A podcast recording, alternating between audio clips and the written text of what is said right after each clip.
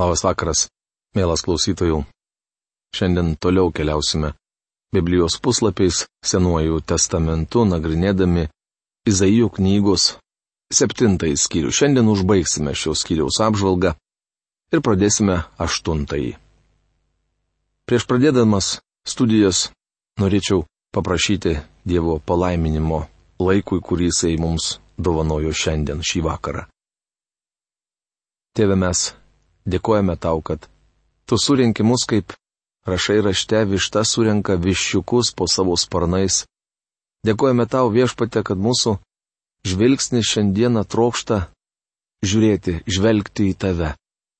Dėkojame tau už tavo sūnų, tobulai atlikusi atpirkimo darbą šitoje žemėje, priemusi pasaulio nuodėmės ir išlaisvinta iš mirties gneuštų tavo dvasios gale paimta viešpatė į dangų ir esantį dangaus aukštumose. Dėkojame tau, kad juo, gyvojų ir amžinai pasiliekančiuoju keliu mes šiandien įgyjame galimybę bendrauti su tavimi. Ačiū tau už brangę knygą, kurią išsaugojai iki mūsų dienų. Ir dėkojame tau, kad šį vakarą galime toliau žvelgti į pranašo Izaijo pranašystės Ačiū tau už tautą, kurią tu pašaukėjai iš šio pasaulio Izraelį ir kurį paskyrė viešpatė tavo žinios, gerosios naujienos nešėjų. Dėkojame tau, kad matydami jų klaidas ir pakilimus šiandien, kaip tikintieji, galime mokintis dvasinių tiesų. Prašome, kad šis vakaras nebūtų bergžės, tuščias, bet tavo žodis atliktų tą darbą mūsų širdise įtikindamas mus viešpate kad esame nusidėjėliai ir kad mūsų teisumas tavo akise tik tai skarmalai. Ir prašom, kad padėtų mums daryti teisingus žingsnius gyvenime. Tai šis laikas būna tavo garbiai ir šloviai. Jėzaus vardu. Amen. Taigi tema pranašystė apie nekaltą Emanuelio gimimą ir Asirijos įsibrovimą į Judo žemę. Praėjusioje laidoje mes su jumis išnagrinėjome pirmasias 13 eilučių, kurias jums priminimui perskaitysiu ir toliau tęsime rašto apžvalgą. Ahazui, Jotamo sūnui ir Uzijo vaikaičiui, esant Judo karaliumi, Aramo karalius Recinas ir Izraelio karalius Pekachas, Remalijos sūnus, pakilo į karo žygį Jeruzalėn, tačiau nepaėgė jos pulti. Kai Davido namus pasiekė žinia, kad Aramas jau įsitaisė Efraimo valdose, karaliaus širdis ir žmonių širdys sudrebėjo, kaip dreba miško medžiai, blaškomi vėjo. Bet viešpats tarė Izaijui, su jo sunumi Šar Ješubu nueikant vėlėtojo lauko kelio prie aukštutinio tvenkinio kanalo galo pasitikti Ahazo. Ir pasakyk jam.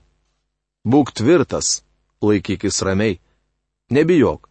Ten nedreba tavo širdis dėl tų dviejų smilkstančių nuodėgulių, dėl Recino bei Aramo ir Remalijo sunaus įniršio. Kadangi Aramas su Efraimu ir Remalijo sunumi suringė samokslą prieš tave, tardami, užpulkime judą, palauškime jo dvasę, užkariaukime jį ir paskirsime ten karaliumi Tabeelio sūnų. Taip kalba viešpats Dievas. Tai neįvyks. Taip nebus. Damaskas Aramo sostinė, o Damasko galva Recinas. Samarija Efraimo sostinė, o Samarijos galva Remalijos sūnus. Po 65 metų Efraimas bus sunaikintas, liausis buvęs tauta. Tik tvirtai tikėdami, tvirtai stovėsite. Viešpats kalbėjo Ahazui. Prašyk viešpati savo Dievo ženklo, te būna jis ar iš Šeolo gelmių, ar iš padangės aukštybių. Ahazas atsakė, ne, neprašysiu ir negundysiu viešpaties. Tuomet jis atsakė, klausykitės, Davido namai. Negi per maža jums varginti žmonės, kad varginate ir mano Dievą? Ir šios dienos pirmą nagrinėjama eilutė. Todėl pats viešpats duos jums ženklą, Štai mergelė laukėsi kūdikio, ji pagimdys sūnų ir pavadins jį vardu Emanuelis. Izaijo knygos 7 skyriaus 14 eilutė. Dievas pagrindžia savo pranašystę. Jei norite sužinoti, ar mergelė pagimdė Emanuelį, paskaitykite keturias naujojo testamento evangelijas. Pavyzdžiui, Evangelijoje pagal matą skaitome. Jėzaus Kristaus gimimas buvo toks. Jo motina Marija buvo susižadėjusi su Juozapu. Dar nepradėjus jiems kartu gyventi, šventosios dvasios veikimu jį tapo nešia. Jos vyras Juozapas, būdamas teisus ir nenorėdamas daryti jai nešlovės, sumanė tylomis ją atleisti. Kai jis nusprendė tai padaryti, per sapną pasirodė jam viešpaties angelas ir tarė. Juozapai, Davido sūnau, nebijok parsivesti į namus savo žmonos Marijos, nes jos vaisius yra iš šventosios dvasios. Ji pagimdys sūnų, kuriam tu duosi Jėzaus vardą, nes jis išgelbės savo tautą iš nuodėmių. Visą tai įvyko, kad išsipildytų viešpatie žodžiai pasakyti per pranašą. Štai mergelė nešios iššiose ir pagimdys sūnų, ir jis vadinsis Emanuelis. O tai reiškia Dievas su mumis rašoma Mato Evangelijos pirmos kiriaus 18-23 eilutėse. Izaijo knygos 7 skyriaus 14 eilutė yra tapusi viena iš kontroversiškiausių šventojo rašto eilučių, nes joje išpranašautas gimimas iš mergelės. Tai yra nekaltas prasidėjimas. Netikintieji nepripažįsta to, kas čia parašyta, ir veltui ieško rimtos priežasties atmesti nekaltą prasidėjimą. Jie ginčijasi dėl hebrajiško žodžio almach, kuris verčiamas mergelė. Norėdamas Juozapui paaiškinti, kodėl Marija nešia, jiems dar nesusituokus. Angelas citavo Izaijo knygos 7 skyriaus 14 eilutę. Tai yra pakankamas įrodymas, jog pranašystėje kalbama apie netekėjusią moterį, kurios sunus bus pradėtas be jokio fizinio kontakto su vyru. Matas savo Evangelijos pirmos kiriaus 23 eilutėje pavartojo graikišką žodį porthenos, kuris be jokių abejonių reiškia mergelė arba nekalta moteris. Nuo to paties žodžio kilo Partenono pavadinimas. Partenonu vadinama graikų deivės Atenės, kuri buvo laikoma nekaltybės įsikūnyjimų šventykla. Kai pirmą kartą pasirodė angliška patikrinta standartinė Biblijos versija, joje hebrajiškas žodis almah buvo išverstas jauna moteris, o išnašoje paaiškinta, jog tai mergelė. Manau, kad turėjo būti atvirkščiai. Tai yra, Tekste turėjo būti vartojamas žodis mergelė, o išnašoje jauna moteris. Vertimo leidėjai tokį sprendimą argumentavo tuo, kad žodis almach reiškia tik jauna moteris. Tiesa, kai kuriuose šventojo rašto vietose šis žodis verčiamas mergina, tačiau akivaizdu, kad jis reiškia mergelė. Kaip pavyzdį galime prisiminti istoriją apie Abromo tarną. Jis nuvyko į Haraną ieškoti Izaokui nuotakos ir prašė Dievo, kad jis atvestų pas tą, kuri turi būti Izaoko išrinktoji. Pradžios knygos 24 skyriaus 16 eilutėje Rebeka apibūdinama tokiais žodžiais. Mergina buvo labai graži, vyro nepažinta mergelė. Šioje eilutėje pavartotas hebrajiškas žodis narach, verčiama žodžiu mergina, dar turi reikšmę jauna moteris. Toje pačioje eilutėje labai aiškiai pasakyta, jog Rebeka buvo mergelė. Vėliau Abromo tarnas pasakojo Labanui, kaip meldėsi ir prašė, kad Dievas jį vestų. Aš stoviu čia prie vandens šaltinio. Tegul ta jauna moteris atėjusi semtis vandens. Šioje eilutėje hebrajiškas žodis almach išverstas jauna moteris, o kosto burbulio Biblijos vertime - mergaitė. Nemanau, kad kas nors gali nesuprasti, kas norėta pasakyti. Žodis Almach apibūdina skaiščią jauną moterį, tai yra moterį neturėjusią lytinių santykių su vyru. Kai girdžiu liberalių teologų postringavimus apie tai, kad Biblija nemoko nekalto Jėzaus gimimo, man norisi paklausti jų, ar vaikystėje jiems tėvai kada nors pasakojo apie tai, kaip atsiranda vaikai.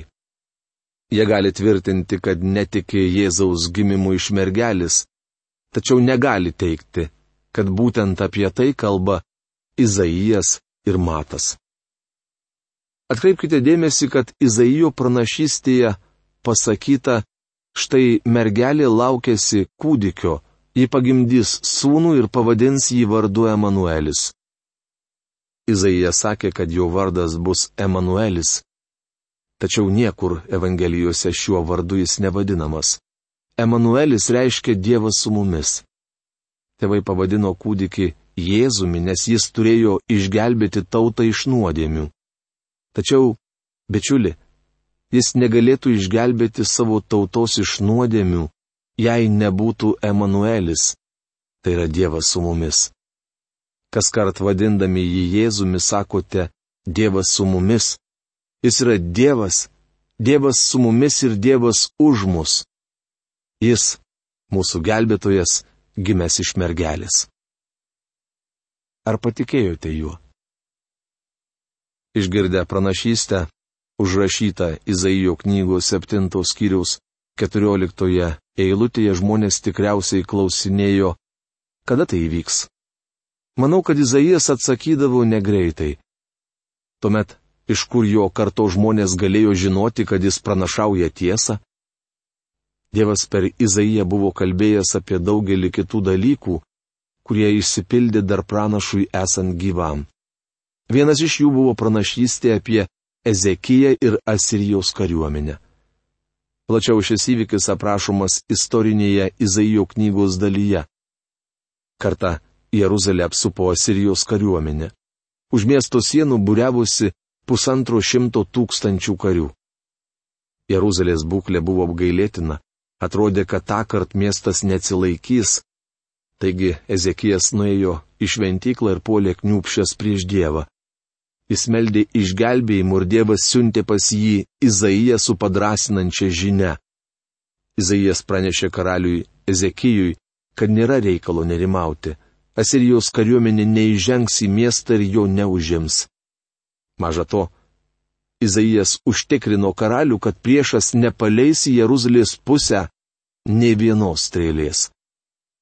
Pamastykite apie tai. Už Jeruzalės sienų būriavosi 150 tūkstančių asirų kareivių. Kiekvienas rankoje turėjo lanką, o už nugaros pilną strėlinę strėlių. Iš tokios gausybės kareivių tikrai turėjo atsirasti bent vienas karingai nusiteikęs jaunuolis.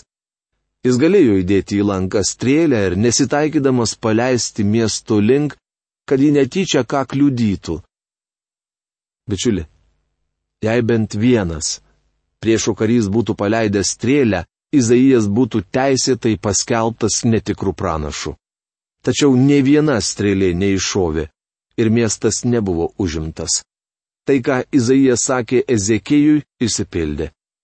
Naujajame testamente liudijama, kad viešpats Jėzus gimė iš mergelės, kaip buvo išpranašavęs šis Dievo vyras. Varškę ir medumi jis maitinsis, mokėdamas atmesti kas piktą ir rinktis kas gerą. Izaijo knygos 7 skyriaus 15 eilutė. Jėzus augo Palestinoje valstiečių šeimoje. Anuomet varškė ir medus buvo pagrindinis neturtingų žmonių maistas anksčiau nei tas berniukas išmoks atmesti kas piktą ir rinktis kas gerą, kraštas anų dviejų karalių, kurie tau kelia siaubą, bus nuniokotas. Izaijo knygos 7 skyrius 16 eilutė. Čia eilutė išsipildė iki mesijo teimo. Ahazo dienomis tai atrodė mažai tikėtina. Izaijo knygos 8 skyrius tema - dar vienas ženklas antro Izaijo sūnaus gimimas. Pranašystė apie tai, kad Asirija užims Emanuelio kraštą. 7-12 Izaijo knygos skyriuje užrašytos pranašystės, kurios buvo paskelbtos Ahazo valdymo dienomis. Kai kas bandė aiškinti, kad mergelės sunus, apie kurį kalbama 7 skyriuje, ir pranašos sunus minimas 8 skyriuje, yra tas pats asmuo. Vardai rodo, kad toks teiginys nepagrystas, o papildoma informacija pateikta 9 skyriuje iš viso neleidžia daryti tokios prielaidos. Kaip parašyta šios skyriaus 18 eilutėje, pranašo sunus yra ženklas.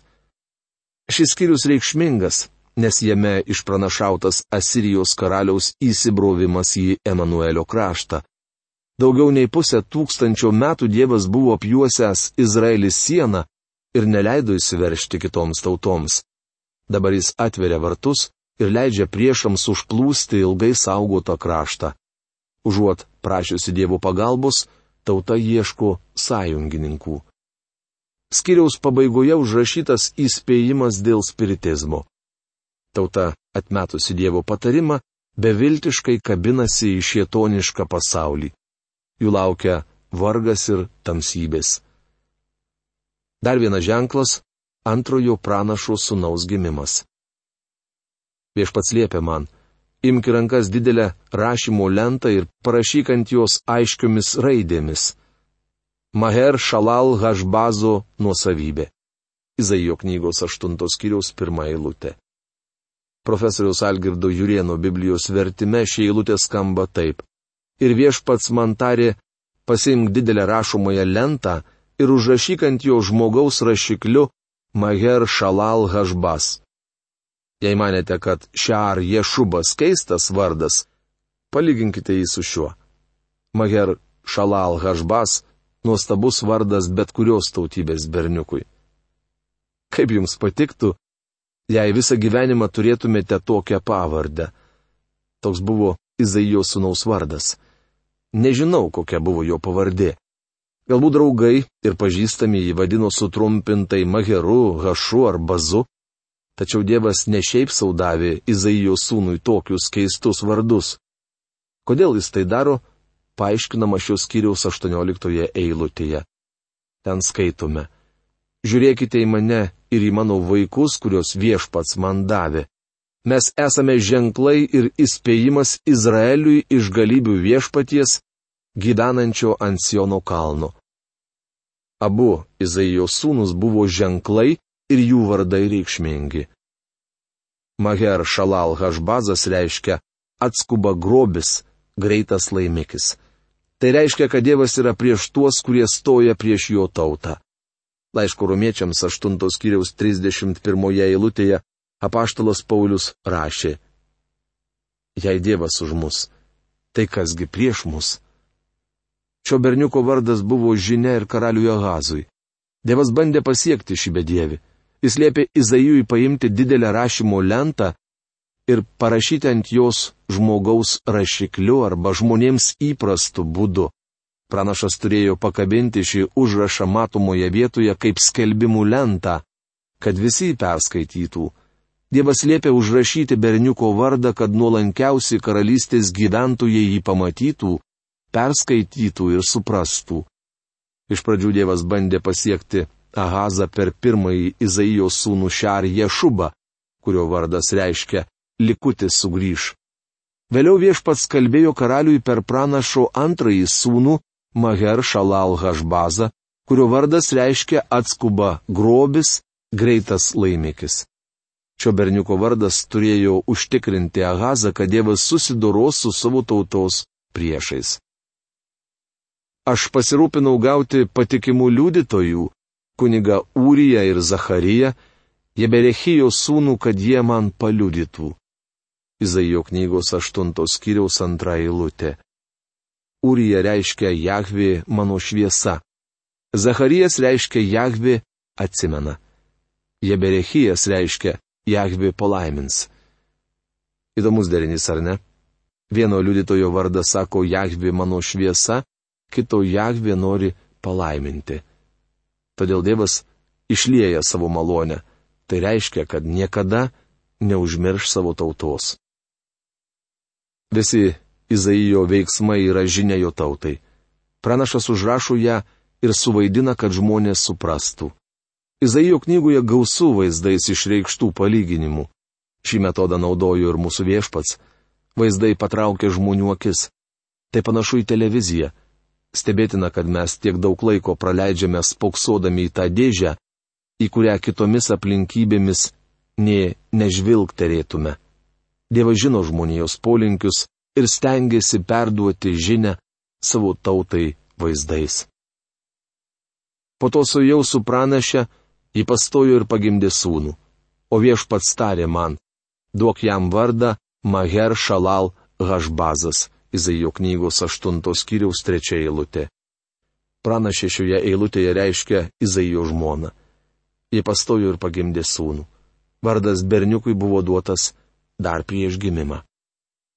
Nes daug anksčiau, negu kūdikis išmoks tarti tėti ir mamą, Damasko turtai ir Samarijos grobiai bus išplėšti Asirijos karaliaus. Izaijo knygos 8 skyriaus 4 eilutė. Anksčiau negu šis kūdikis išmoks sakyti mamą ir tėti, Asirai užims Aramą ir Samariją. Priešai iš šiaurės ketinantys užpulti judą bus paimti nelaisvę. Tai vyks ne dėl stulbinančių Ahazo karinių ir strateginių sugebėjimų laimėti pergalę, beviltiškoje situacijoje. Dievas aiškiai duoda suprasti, kad jis dovanos pergalę dėl savo suverenios malonės. Viešpats toliau kalbėjo ir sakė, kadangi ši tauta paniekino ramiai tekančius siluamų vandenis ir nutirpo iš baimės prieš Reciną ir Remalijos sūnų, viešpats tvindo jiems upės vandenis sraunius ir galingus Asirijos karalių ir visą jo galybę. Ji užtvindys visus kanalus, išsilies per visus krantus. Izaijo knygos 8 skyriaus 5-7 eilutės. Tai dar viena įspūdinga šventojo rašto pastraipa. Tauta paniekino ramiai tekančius siluamų vandenis. Siluamos reiškia siūstasis. Jie atsisakė Dievo pasiūlytos ramybės, kurią simbolizuoja ramiai tekantis upelis. Kad būtų akivaizdžiau septintoje eilutėje sakoma upės vandenis sraunius ir galingus. Aišku, kad čia kalbama apie Eufrato upę, prie kurios buvo įsikūrę asirai. Jos vandenys patvino, kitaip tariant, išsiliejusi Eufrato upė simbolizuoja Dievo teismą ir supriešinamas su ramiais Siloamo vandenimis. Lygindamas šias dvi upes Dievas perduoda žinę savo tautai. Anot Šekspyro, medžiai turi liežuvius, tekantys upeliai rašo knygas. Akmenys pamokslauja. Visame kame yra gero. Siluamas yra siauras, lietai čiurlenantis upelis. Šiandien jis nėra labai reikšmingas, tačiau Izaijo dienomis toks buvo. Jis teka tarp Siono ir Morijos kalnų. Tas mažas upeliukas šnapžda mums žinę, kurią išgirsite, jei turite ausis klausytis. Ši žinia malonesnė už patį upeliuko čiurlenimą. Tai pasakojimas apie malonę, Siono kalną, kuris yra tarsi priešingybė Sinajaus kalnui, simbolizuojančią Mozės įstatymą. Ant Morijos kalno Abromas paukojo savo sūnų, Dovydas nusipirko Araunos klojimą, Saliamonas pastatė šventyklą. O šios didelės kalnų virtinės gale yra Golgota, kaukolės vieta, kur buvo nukryžiuotas Kristus tai simbolizuoja malonę. Ant Morijos kalno Dievas pats parūpino savo avinėlį. Jis išsaugojo Abromo sunaus gyvybę, bet nepagailėjo savo sunaus. Taigi Dievas kalba Ahazui apie savo malonę. Jis sako šiam karaliui, jei atsigręši į mane, aš tavęs pasigailėsiu. Jau užlies juda, užtvindys ir nutekės bus apsėmusi net iki kaklo. Emanueli, jis išties savo sparnus virš viso tavo plačiojo krašto. Izaijo knygos 8 skyriaus 8 eilutė. Dievas leis asirams užtvindyti judo kraštą, bet neleis užimti Jeruzalės. Mielas klausytojų, aš noriu tiesiog užbaigdamas jūsų paklausti, ar jūs buvote Golgotoje ir ar kartu su Kristumi paukojote save, savo į aš, kad galėtumėte gyventi Dievui.